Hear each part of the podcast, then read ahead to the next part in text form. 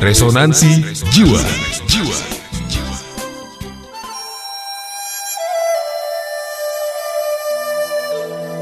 Kebahagiaan sebagai pilihan.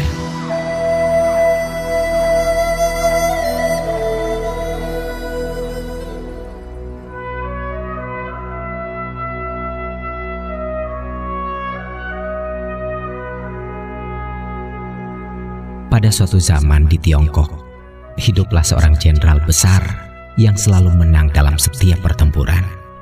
Karena itulah, ia dijuluki sang jenderal penakluk oleh rakyatnya.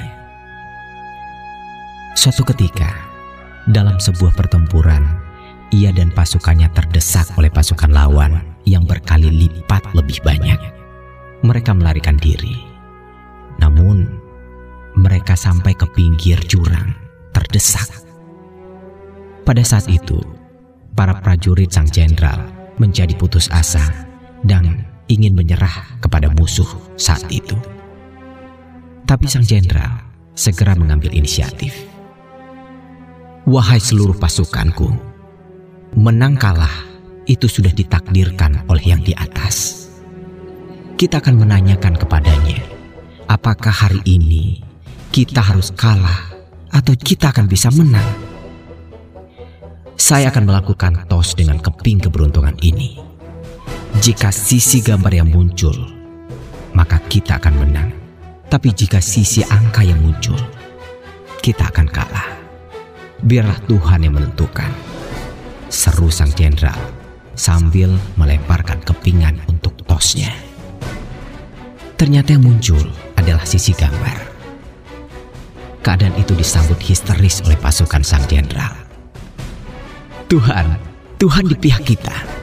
Kita sudah pasti menang. Dengan semangat yang membara, bagaikan kesetanan, mereka berbalik menggempur pasukan lawan yang lebih banyak jumlahnya. Akhirnya, mereka benar-benar berhasil menunggang langgangkan lawan yang berlipat-lipat jumlahnya. Pada senja pasca kemenangan, seorang prajurit berkata pada sang jenderal, "Kemenangan kita telah ditentukan dari langit, telah ditentukan oleh Tuhan yang begitu baik kepada kita." Tapi sang jenderal menukas jawabannya. Apa iya sih? Sembari melemparkan keping keberuntungannya kepada prajurit itu. Si prajurit memeriksa kedua sisi keping itu, dan dia hanya bisa melongo ketika mendapati bahwa ternyata kedua sisinya sama-sama gambar.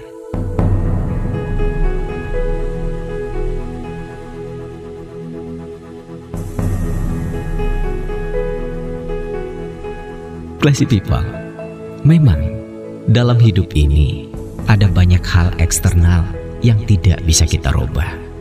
Banyak hal yang terjadi tidak sesuai dengan kehendak kita.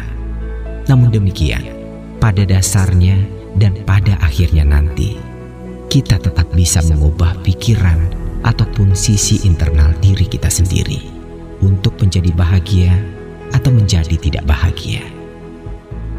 Jika bahagia atau tidak bahagia diidentikan dengan nasib baik atau nasib buruk, jadi sebenarnya nasib kita bukanlah ditentukan oleh siapa pun juga, melainkan oleh diri kita sendiri. Ujung-ujungnya, kebahagiaan adalah sebuah pilihan